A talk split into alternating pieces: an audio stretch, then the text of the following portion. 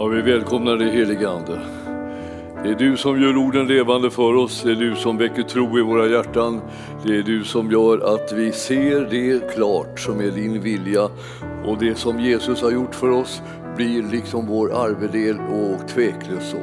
Vi tackar dig Herre för att vi ska kunna få ta emot ifrån dig allt det som du har planerat för den här kvällen. I Jesu namn. Och församlingen sa Halleluja. Ja, vi ska gå till Romarbrevets fjärde kapitel och vi ska tala lite grann om tro. Det är ju liksom så eh, grundläggande och eh, liksom eh, så att vi vet att ingen av oss klarar av att liksom komma in i det kristna livet eller kunna hålla oss kvar i det kristna livet med mindre än att det väcks tro i våra hjärtan. Och därför så Ehm, nu ska vi se här på olika typer av tro. Ska säga. Vi, vi, det, det, man kan uppfatta det på olika sätt. Lite, lite grann. Och det här, nu ska vi starta från fjärde kapitlet och vi, vi ska starta i den trettonde versen. Det kommer att handla om Abraham och hans eh, eh liksom förhållande liksom till löftena som Gud gav. Det var inte genom lagen som Abraham och hans efterkommande fick löftet att ärva världen utan genom den rättfärdighet som kommer av tro. Om de som håller sig till lagen blir arvingar, då är tron utan innehåll och löftet satt ur kraft. Lagen åstadkommer ju vrede, men där ingen lag finns, där finns inte heller någon överträdelse. Därför heter det av tro, för att det skulle vara av nåd och löftet stå fast för alla hans avkomlingar, inte bara för dem som hörde till lagens folk, utan också dem som har Abrahams tro, eh, han som är allas vår fader. Så står det skrivet, till fader för många folk har jag satt dig, och det är han eh, inför Gud som han trodde på honom som gör de döda levande och kallar på det som inte är som om det vore till. Där allt hopp var ute så trodde och hoppades han att han skulle bli fader till många folk, som det var sagt, så talrika skall dina efterkommande bli. Han sviktade inte i tron då han tänkte på att hans egen kropp saknade livskraft han var då omkring hundra år och att Saras moderliv var dött.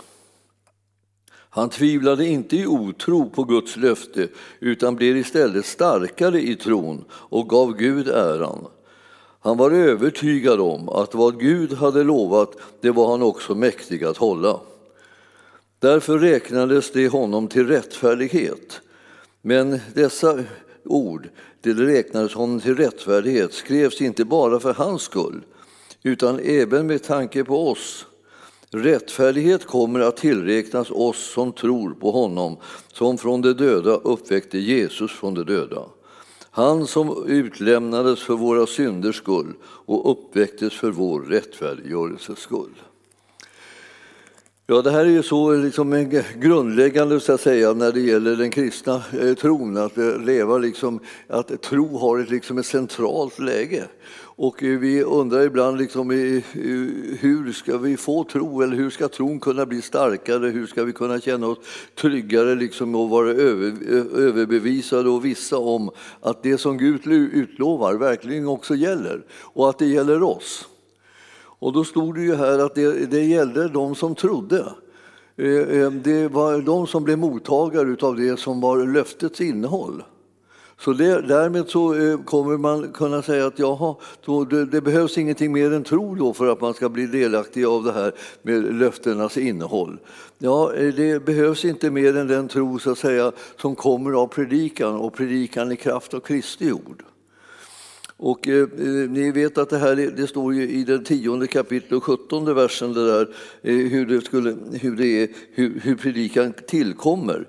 Alltså, alltså kommer tron, eh, liksom, eller hur tron tillkommer, alltså kommer tron av predikan och predikan i kraft av Kristi ord. Det ska hänga ihop det här. Liksom både tro och eh, eh ordet och Kristi ord. Alltså det ska vara hans ord och inte vilka ord som helst. Det är liksom inte frågan om att man bara liksom intalar sig någonting utan det är frågan om att man lyssnar till det som Herren säger. Och när det han talar börjar väcka tro, då blir vi mottagare utav det som är löftena. Och det här gör ju liksom att eh, man kan liksom hela tiden se till att man får i sig den näring som gör att tron trivs. Att tron verkar, att den fortsätter att hålla en kvar vid frälsaren Jesus Kristus. Att det inte blir någonting så att säga, som, är, som är, blir utom räckhåll plötsligt. Man liksom blir avslagen och ljum och dan och så glider det ifrån en. Och det är klart att det, är, det blir det om man inte umgås med Guds ord. Så när vi, när vi lever som kristna så lever vi ju lite tillsammans med bibelordet och vi, vi vill ha, ha det inom hörhåll hela tiden. För det är det som gör en kraftig påverkan in i våra liv. Och det påverkar oss så, att vi börjar bli, känna oss trygga och vissa om det som Gud har lovat, att det gäller. Annars är det ju så att det som det var för Abraham, alltså han fick ju löfte om någonting som det var ju helt ofattbart till slut, att det skulle kunna infrias. Alltså allt i hans liv, liksom omständigheterna, talade emot att det skulle kunna bli så som det, som det var utlovat. Han skulle bli en fader till många folk. Och liksom åren gick. Och han försökte att fixa olika saker, egna lösningar, men det var, liksom, det var inte det. Utan det var fortfarande, och när han fortfarande inte hade fått det här löftet infriat, när han var i hög ålder, var 100 år och Sara var 90 och, och han skulle bli fader till många folk och, och alla förstod ju att det borde ju börja åtminstone med en till så kände han ju liksom en viss desperation och förtvivlan. Hur ska det här kunna gå? Och eh, eh, då eh, så lyssnade han hela tiden tillbaka på vad var det Gud sa, vad var det Gud sa, vad var det Gud sa? Och det där, det som Gud sa, det var det som väckte tro i hans hjärta och höll den levande trots att omständigheterna talar rakt emot den. Och jag, jag, jag, känner liksom att det är ofta så att vi tycker att våra omständigheter, eh, situationerna, hur det, hur det är, hur det verkar, hur det känns och alltihopa, att det ska väga så tungt. Så att vi liksom, vi kommer, ja, om det känns så här, om det är på det här viset, ja då är det bara att ge upp och då är det bara att släppa det. Men så är det inte alls. Utan det som gör att saker och ting består, att det håller, att det fortsätter att vara lika sant, det är därför att han som talar de här orden, han är sanning. Det är han som talar sanningen och det är han som har sagt det som vi litar på, eh, inte på hur, hur det verkar. Och därför så får vi, när vi går in på den vägen, att ha en tro som, som så att säga, övergår egentligen allt förstånd. Då börjar vi komma in på ett område liksom där vi blir kandidater för att ta emot det fantastiska, underbara som Herren utlovar och bli delaktiga av det. Och så småningom börjar vi också få naturligtvis erfarenheter av det, men varje gång så känns det ju nästan, men nu, nu verkar det helt omöjligt, eller nu går det väl inte alls. Och ändå så är det så att det är ingen skillnad. Herren är fortfarande densamme, men omständigheterna ser olika jobbiga ut och ibland väldigt jobbiga. Och då är det liksom då fortfarande så, vi lyfter blicken, vi ser på honom som har gett löftena. Det är han som är trofast, det är han som håller dem och det, det är det som är vår trygghet. Känner vi honom så blir vi trygga. Känner vi honom inte blir vi nervösa eh, även för det minsta lilla löfte att det ska kunna gå i fullbordan. Så att det här gäller liksom att lära känna Jesus hela tiden. Och därför är det hans ord som vi behöver lyssna till. Tron kommer av predikan och predikan ska komma från Kristi ord. Alltså Jesu Kristi ord. Det är han som är trofast, det är han som är att lita på, det är han som, är, som håller vad han lovar. Och eh, det är inte vi som känner efter och känner efter och känner efter och, eh, och känns det bra så känner vi att nu är det ganska säkert att det kommer att bli det här, det här kommer att gå.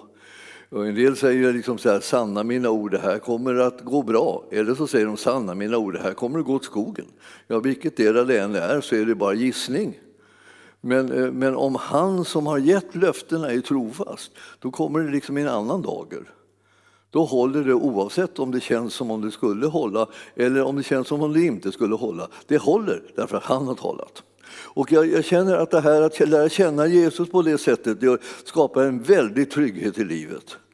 Och, och eh, det, det, är mycket som, när man ser det lite i backspegeln så kan man lättare se liksom hur, hur, hur trofast var han egentligen inte fast jag hade alla de här känslorna som gick hit och dit så här, i, i, i de där situationerna. Och så visar det sig att när jag tittar bakåt så, så, så jo, höll han det han lovade. I alla fall, fastän det kändes så här liksom, när jag just var i situationen. Ja, och det är så att det byggde inte på de där känslorna utan det byggde på vem han var. Lär känna Jesus alltså. lär känna honom som är utsänd från Fadern. Han som är här för att bevisa Faderns kärlek, han som är här för att ge löften eh, och vara själv garanten för att de löftena ska kunna gå i fullbordan. Det är honom som vi lyssnar till. Det är honom som vi söker, det är honom som vi lär känna och kommer närmare. Och ju närmare vi kommer honom, desto bättre blir det. För att säga, desto tryggare blir vi, desto stadigare blir vandringen också som kristen i den här världen. Och vi behöver inte bara liksom tänka att och jag förstår det, man tvivlar ju jämt och, så här, säger, eh, och kristna håller på att liksom peppa varandra med att vi allihopa tvivlar och, och tvekar och, och är nervösa och oroliga för allting. Det är ingenting som stärker någon att vi allihopa sitter i samma grop, utan det som stärker någonting är att vi har samma frälsare och han är att lita på. Så det är åt det hållet som vi sträcker oss och det är på det, det, ditåt vi tittar. Och det här är så, tycker jag så härligt här när det står om, om, om Abraham. Alltså han, han, han var ju lite hit och dit. Alltså. Han hade ju tider liksom då, då det var lite svacka eh, och han, han försökte lösa sakerna till själv. Han tänkte att Gud kanske har glömt att han skulle lösa det här. Men då står det så här att, eh, att eh, i 19 versen där i fjärde kapitlet så står det att eh, han sviktade inte i tron när han tänkte på att hans egen kropp saknade livskraft. Han var då omkring 100 år att Saras moderliv var dött. Alltså liksom alla ingredienserna i att det här skulle vara troligt att de skulle få ett barn tillsammans, de, alla de ingredienserna var borta. Abraham var liksom eh, i hundra år och då kan man förstå liksom att han har liksom blivit helt liksom avslagen då, liksom när det gäller det här med, med, med barnaalstrandet. Och, det, och, eh, och sedan fick vi höra att Saras moderliv också hade liksom slutat att fungera. Eh, så det, det, det gick inte längre. Det var ingen möjlighet eh, om man tittade i det naturliga. Men sen står det liksom att att han sviktade inte i tron när han tänkte på det här. Och jag skulle vilja säga att det här är någonting som är väldigt eh, säga, både avundsvärt och fantastiskt beundransvärt. Att inte svikta i tron eh, eh, eh, när, när, man, när man tänker på en sak som är hopplös. De flesta av oss skulle, jag ska väl säga, gör inte det. Tänk inte på saker som är hopplösa. För det, det lär aldrig liksom orka, orka med det. Liksom. Det, det liksom, börjar man tänka på hopplösa saker då är det som att man dyker i botten med all, all hopplösheten som man tänker på. Man liksom fastnar i den och den, liksom, den, den gör att man, att man kommer ingen vart. Liksom. Man känner bara nej det går inte, Allt är, det är ingen idé med någonting, det är hopplöst. Men, men Abraham han hade kommit därhen i sin tro att han inte blev sviktad i tron bara för att han tänkte på det, hur det egentligen var. Alltså hur det var i det naturliga. Alltså det, det var hopplöst, omöjligt i det naturliga. För honom var det obegripligt. Liksom. Hur skulle det kunna gå? Men då, då, då, då, då fick han fästa blicken någon annanstans än att tänka på det hopplösa. Och han får tänka på honom som kan ge hopp i varje situation och som kan väcka tro i en människas liv så att hon kan ta emot det som är helt ofattbart. Och det här var så, han var ju liksom en riktig, jag säga, fantastiskt fantastisk beundransvärd man på det viset. Alltså, han tvivlar inte i otro, står det i nästa vers, det på Guds löften, utan det, det var dem han höll tag i. Utan han blev alltså starkare i tron och eh, genom det så gav han Gud ära. Det här med att lita på Gud, det ger Gud ära. Att man fortsätter liksom att vara en troende även när livets omständigheter ser ut som skrutt. Och det är kämpigt och det är omöjligt och det är stopp och det är allt möjligt och man förstår allt det här. Man är liksom nästan som expert på hur dåligt en sak kan gå, för det har man kanske varit med om förr, att det har gått dåligt och det har liksom hakat upp sig och det har blivit stopp och ingenting fungerar. Det känner man till. Och så behöver man lära sig att känna till hur det går när man tror på Gud. Och att tro på Gud det, det, är någonting som eh, man måste få näring till hela tiden och därför måste man lyssna till vad Herren säger. Jesus han, han kommer som Guds ord, alltså sänd till oss för att väcka tro. Och han kommer för att tala till oss så att vi blir uppmuntrade och upplyftade. Han säger liksom, lyft blicken lite grann och titta inte bara på problem för du, du kommer bara bli fångad, fångad i dem. Utan titta på lösningen som Herren har erbjudit dig. Den som du ska tro på för att kunna ta emot. Titta på den så väcker det tro i ditt inre. Och det här känner jag liksom att jag har genom åren liksom haft alla möjliga olika eh, säga, eh, försök till, till att tro och, liksom, och, och, och sedan liksom fått tag i något det här att hur, hur får man näring till tron? Hur blir den starkare? Hur blir den liksom inte bara uppgiven bara för att man vet någonting om hur, hur svårt vissa saker är? För det är inte det som avgör saken, utan det är frälsarens trofasthet som avgör saken. Hans ord är de som är sanna. Och då stod det att eh, eh han, han var övertygad om, står det i vers 21, är vi nu i. Han var övertygad om att vad Gud hade lovat, det var han också mäktig att hålla. Så nu var det inte, liksom, handlade det inte om dig och mig och hur vi kände oss eller vad vi, vad vi visste om hur det kunde gå och hur, hur det kunde haka upp sig och hur svårt det kunde vara och hur omöjligt det var, har varit tidigare och alltihopa det här. Utan nu handlar det mer om så, vad, vad Gud hade lovat, det var han mäktig att hålla. Och när man får liksom tänka sig, är det sant? Ja, eh, återigen, hur ska du veta att det är sant? Ja, det är ordet som håller på hela tiden påminner om att Gud är trofast. Gud överger oss inte, Gud håller sina löften. Och så här eh, liksom maler han på om det hela tiden för att vi ska få sån näring till att vara troende i situationerna istället för att vara de som har tappat tron eller blivit tvivlande. Och, och, och, det här, att, att det blev på det här viset nu då, det räknades liksom honom till rättfärdighet. Det vill säga, Herren, Herren var nöjd med honom och gladdes över honom för att han litade på det som Herren hade talat. Alltså, eh, rättfärdighet kommer att tillräknas oss som tror på honom som från de döda uppväckte Jesus, vår Herre. Och det är, det, det är den himmelske Fadern. Han uppväckte Jesus eh, från de döda.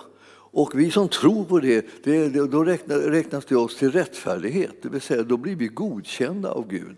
Då blir vi kandidater för att kunna ta emot ifrån honom det som han talar om. Och vi vacklar inte hela tiden och är osäkra på hur det egentligen kommer att förhålla sig, utan vi vet. Därför att han, han har talat om det här och han undervisar oss om det och han pekar på att det var, det var han som uppväckte Jesus, vår Herre, från de döda och det, och det är han som godkänner oss. Och han, han som eh, eh, Jesus, så att säga, som han utlämnade för våra synders skull och sen uppväcktes han för vår rättfärdiggörelses skull. Så det där att vi blev godkända av Gud, som rättfärdigheten innebär, det, är liksom, det var någonting som skedde liksom på grund av Jesu gärning. Eh, eh, och det, det, var hans eh, gärning som gjorde att synden inte längre har, har makten i våra liv.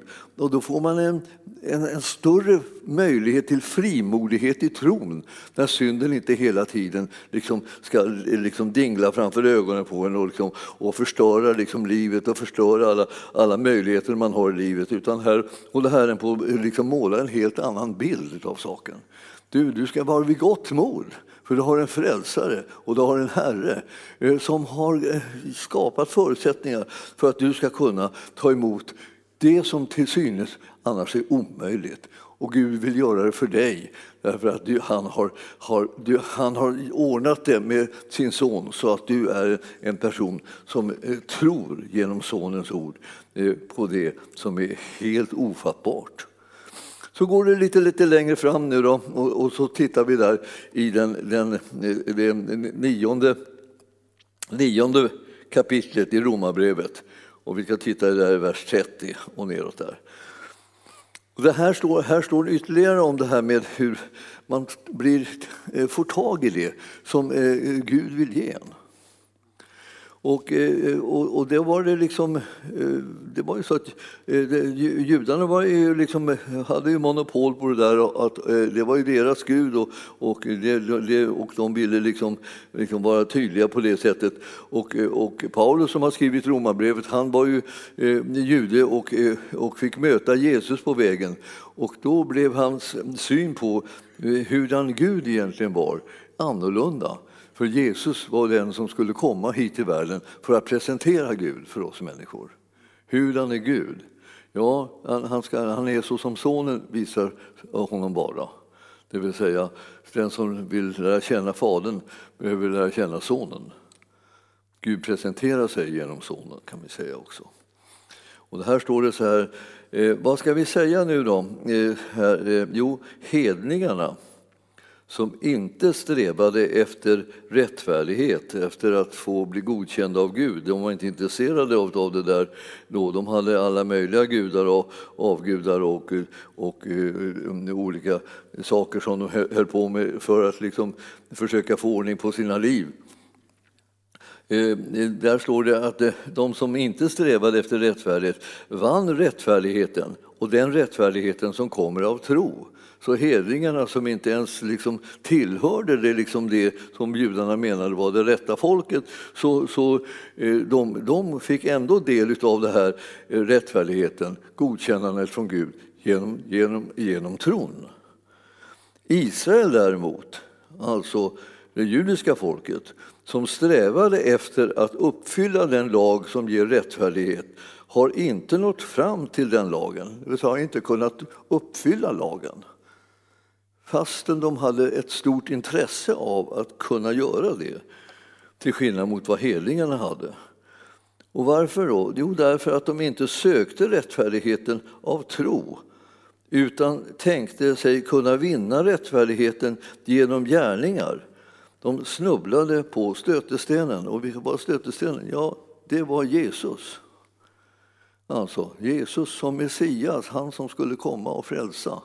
Eh, de eh, kunde inte se att det var han. Och därför så, eh, så eh, blev det ett hinder för dem istället. Så det väckte ingen tro. Så som det står skrivet, se jag lägger i Sion en stötesten och en klippa till fall. Men den som tror på honom skall inte stå där med skam. Så vare sig man nu var jude eller hedning och trodde på honom som Gud hade sänt så blev man räddad ifrån skammen och eh, eh behövde inte hamna i, så att säga, utanför det som var Guds plan.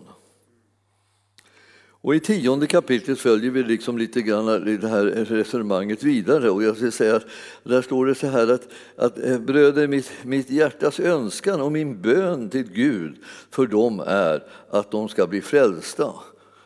Så Paulus som själv var jude i, i, som, som, så säga, i sin bakgrund, han var inte liksom sån, fastän han blev förföljd och jagad liksom av judarna när han nu gick över till att följa Jesus. Han var inte den som tyckte att, liksom, att ja, då kan det lika gärna gå åt skogen för dem det, när de håller på så här och jagar mig och plågar mig och hela tiden och överallt i världen håller de på och, och liksom försöker eh, sätta fast mig och, och an, anmäla mig och ha sig. Eh, han var inte alls intresserad av att de skulle komma i kläm. Han, han säger att alltså, min längtan är ju att de ska bli delaktiga av det som jag har funnit. Och han gjorde alltid så att han gick först till synagogan och först delade han med dem vad han hade mött i Jesus för att de skulle kunna bli frälsta. Och de som eh, inte tog emot honom Eh, då, då eh, lämnade han dem och, så, och så, eh, de som ville ta emot Jesus de följde honom helt enkelt och så byggde man nya församlingar. Och I de församlingarna var både, så säga, både judar och hedningar med judisk och hednisk bakgrund välkomna. Så, eh, så Paulus han tänkte att min bön är för dem att, eh, eh, att Gud ska låta dem också bli frälsta. Att de ska liksom komma in i det läget att de kan ta emot frälsningen. Jag, jag, I andra versen står det här, jag kan vittna om att de, de hängivet tjänar Gud, men de saknar den rätta insikten. Så han, han säger goda saker om sina syskon och, säga, och bröder i det naturliga. Liksom. Eh, för, för det här var ju hans folk, det var därifrån han kom. Och han hade varit en, en riktigt liksom, fanatisk liksom, här, eh, följare utav lagen. Och, eh, och han hade jagat alla oliktänkande och han hade varit, han hade varit en riktig förskräckelse liksom, för den kristna församlingen. Men nu när han hade blivit frälst så vill han dem väl Eh, i den judiska församlingen och ber för dem att de ska kunna bli frälsta. Att de ska kunna känna igen vem Messias är och, och komma till rätt insikt, som man uttrycker det.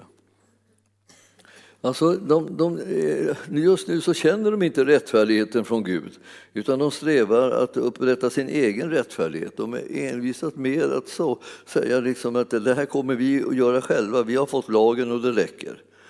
Och, och, de kunde inte klara av att i någon större utsträckning underordna sig den här rättfärdigheten, godkännandet som kom från Gud genom, genom att man hade tagit emot i tro. Alltså. Och vers 4 säger då Kristus är lagens slut till rättfärdighet för var och en som tror. Så det betyder att Jesus var liksom änden på det här med lagen som någon form av väg som man skulle gå på för att kunna lära känna Gud och för att kunna eh, nå någon form av frälsning. Det, det gick inte längre. Sedan Jesus kom så var det han som var den vägen. Och nu sändes man ut och de som man predikade först för och mest för i, i, i början var alltså det judiska folket. Och de, de fick höra om det och den ena efter den andra så att säga, liksom blev frälst. Och I början där var det ju liksom, när kyrkan och församlingen startade så var, var det ju på, på pingstdagen då, när anden föll så liksom blev över 3000 personer liksom frälsta. Och, och, och, det var judar som hade kommit till Jerusalem och som var där för att fira de judiska högtiderna. Men, men eh, när de märkte eh, vad det här budskapet handlade om så tog de emot det och, eh, och blev frälsta. Så att de första församlingarna var liksom det man kallar för judekristna församlingar, det vill säga församlingar med, där de medlemmarna var sådana som hade judisk bakgrund och tillhörde judiska folket. Men de var, de var messiastroende på Jesus. Alltså. Och, det här, och så småningom så började det bli problem med liksom att man fick in helningar och då tyckte man nästan att det var jobbigt i de här judekristna församlingarna att det skulle komma in helningar också. Måste man inte vara jude först först och sen bli kristen och, och, sen, och, och eh, inte bara komma som hedning och springa in här i församlingen? Och, och, och, då fick man gå igenom det här igen. Så att, vad är det som var grunden för att vi egentligen kunde bli frälsta? Och vad är det som är grunden för att vi kan bli frälsta som bor här i Norden? Ja, det är det att, att vi, vi har fått tro på honom som är frälsaren, Jesus, som Gud har sänt. Och det räcker med tro på Jesus för att man ska kunna bli frälst och rättfärdiggjord. Och därmed så kan man vara trygg i sin vandring med Gud och därmed så vet man att man har blivit delaktig av rättfärdighet, godkänd erkännande från Gud och därför vet man också att man har blivit liksom försonad med Gud på allt sätt och man behöver inte gå omkring och känna sig förkastad för förlåtelsen är utgjuten. Och den som bekänner synd eh, och kommer till Herren och bekänner synd blir förlåten. Och det sker genom att, så, genom att man tror på honom som har gett sitt liv, som har dött och uppstått för vår skull. Så eh, därmed så är är det här nya livet så att säga, öppet för alla människor. Och för oss eh, som är här längst i den, eh, längst bort, jag säga. Vi kan, man talar ibland om jordens ända. De skulle föra ut evangelium ända till jordens ända. Ja, vi kanske är jordens ända. Det kan ju vara möjligt. Det är bara det att, inte, att vi tycker att vi tittar åt andra hållet och tittar, jordens ända är åt andra hållet, längst bort från oss, men det, är liksom, eh, det startar i Jerusalem så det, det borde vi vara långt uppåt här. Det är norr som blir jordens ända nästan. Men utan att eh, kunna hänvisa till lagen och utan att kunna hänvisa till, eh, till, till vilket folk man tillhörde så, så blev man frälst av ren nåd genom tron på Jesus Kristus. Man bekänner honom som Herre och Frälsare och därför så behöver man inte längre gå omkring och känna att man är liksom ständigt vägd på våg. Utan det är Herren som rättfärdiggör, det är han som godkänner, det är han som frälser, det är han som räddar människor. Och sen förvandlar han människors liv. Så den som har kommit in i gemenskap med honom blir allt mer präglad utav honom som kan förvandla människoliv. Ja, han kan, kan göra allting nytt. Han, liksom, han, han, han påminner om det och säger egentligen se, jag gör allting nytt. Alltså, man kan tänka sig, eh, ja men vad då så? Då så? Att om det finns någon som gör allting nytt, ja men då, då, då, finns det en möjlighet för varenda en. Ja, Gud vill att alla människor ska bli frälsta, så det är klart att det finns en möjlighet för, för varenda en. Vad är det som är villkoret? Villkoret är att man i tro tar emot och bekänner Jesus som sin Herre och Frälsare. Tar emot syndernas förlåtelse och låter sig födas på nytt. Och det här är Herrens verk. Han är den som förvandlar människoliv. Vi är, vi är de mest välsignade av, av alla människor som får, har fått lära känna honom och få höra om honom. Och, och, och, har vi inte tagit emot honom så tar vi emot honom bara. Jag menar, det, det finns ingenting liksom som att vinna på att man väntar, liksom, så att man drar ut på det, drar ut på det och, liksom, och invänder och gör saker och ting komplicerade och sådär. För det här handlar inte alls om att, det, liksom, att, det, att, man, att, man, att, man, att man måste tänka igenom saken. För det är inte att tänka igenom saken, det är att tro som det handlar om. Tro och lita på vad han gjorde. Det är det som är, är vår liksom, utmaning. Att inte tänka sig, ja men jag, jag ska gå hem och grubbla lite först. Jag, jag, jag, jag ska säga lycka till, men jag skulle vilja säga liksom, lycka inte till med det för, att det liksom, för det handlar inte om att du grubblar igenom det utan det handlar om att du tar emot en, en gratis gåva. Den är av, det är av nåd, det vill säga det betyder gratis och det är den gåvan som du ska ta emot. Så då blir du så frälst du kan bli. Alltså man kan bli så jag vet inte hur man ska säga, så tvärfrälst, alltså, därför att det är bara hans gärning. Om det vore din och min gärning, eller så, ja, vi, vi, det var som jag tänkte på, ibland så tänkte jag på när jag stod med mitt barnbarn och skulle eh, liksom, skala morötter liksom, i köket. Och så, då kom mitt barnbarn in, han var, han var två, tre år sedan någonting. Och så, och så, så ville han liksom vara med och så här. Och så jag, jag tog, lyfte upp honom på en pall och så stod han där och, liksom, och när han skulle tvätta dem lite grann, de här morötterna innan jag skalade dem. Då, så här. Och sen så, så efter en liten stund han höll på med det så, så, här, så sa han liksom så här, kände han, sträckte han på sig så här, jag hjälper dig morfar.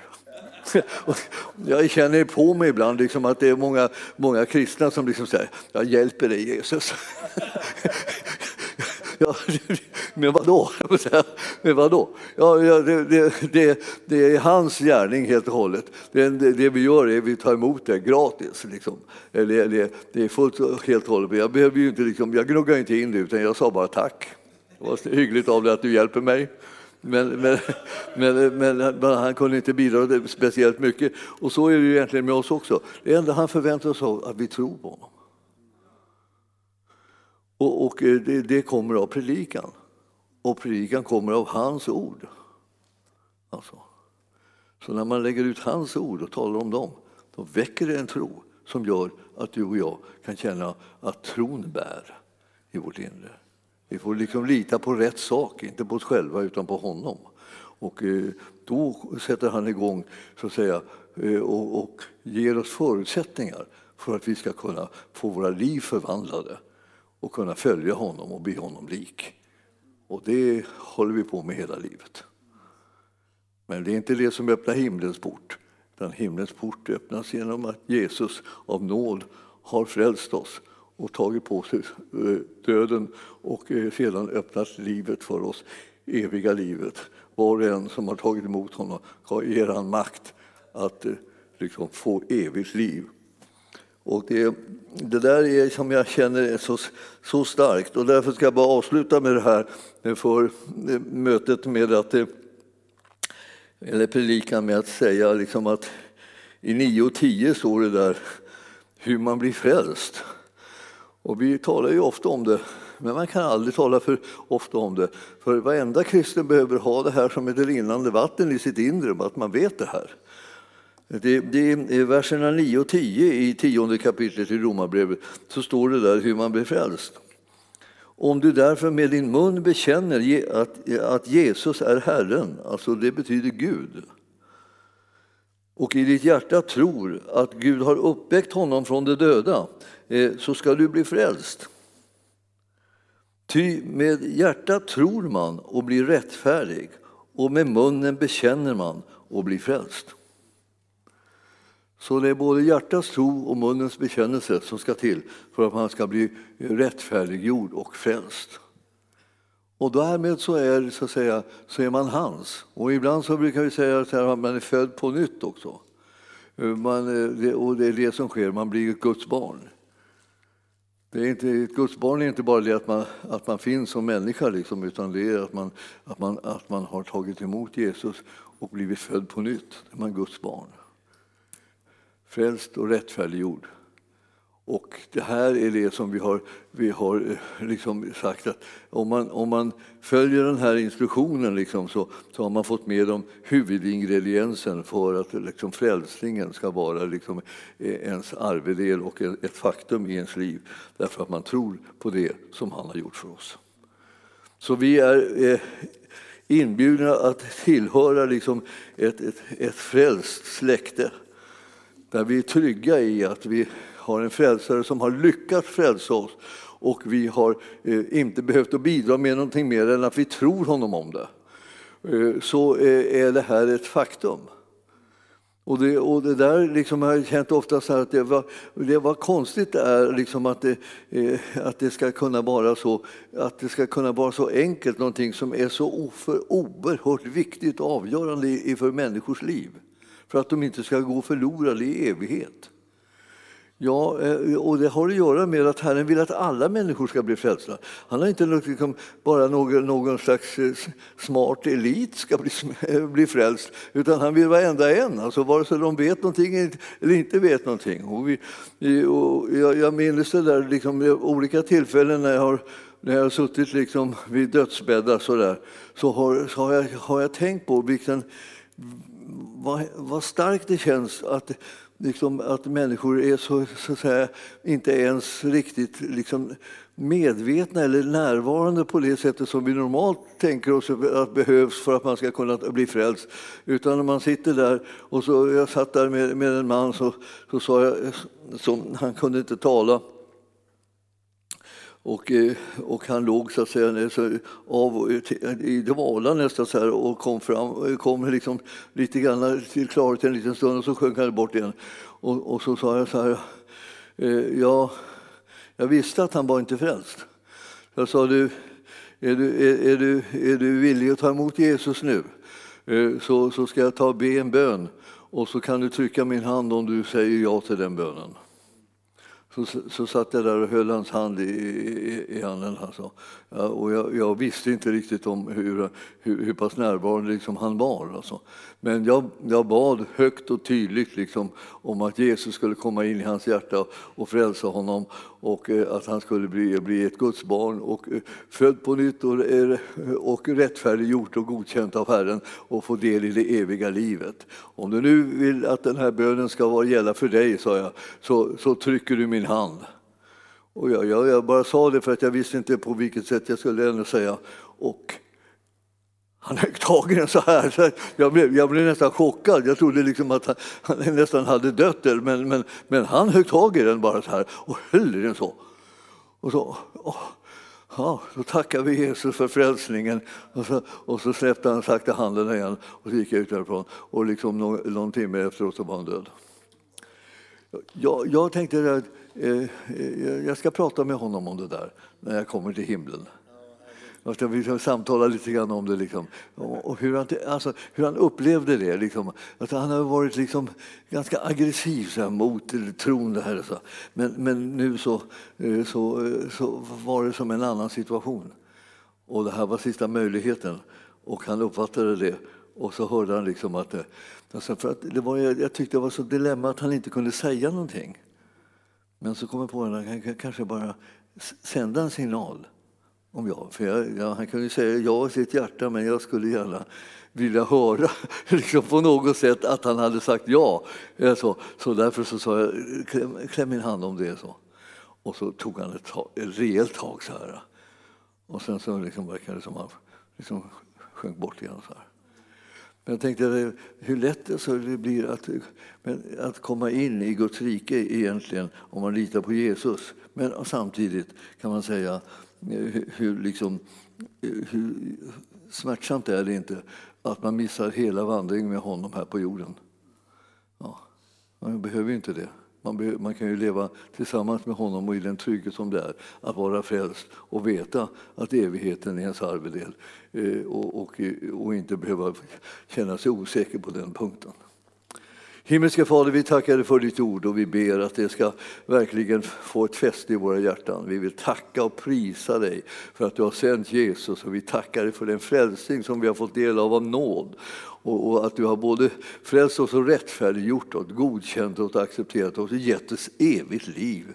Jag vet att det finns ingenting underbarare än att få tillbringa hela evigheten tillsammans med dig och med alla de frälsta. Jag tackar dig Herre för det och jag ber att det ska bli eh, en riktigt härlig fest. I Jesu namn. Amen.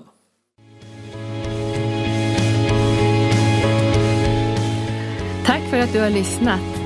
Vill du få del av mer information om församlingen Arken, vår helande tjänst, bibelskola och övriga arbete, gå in på www.arken.org.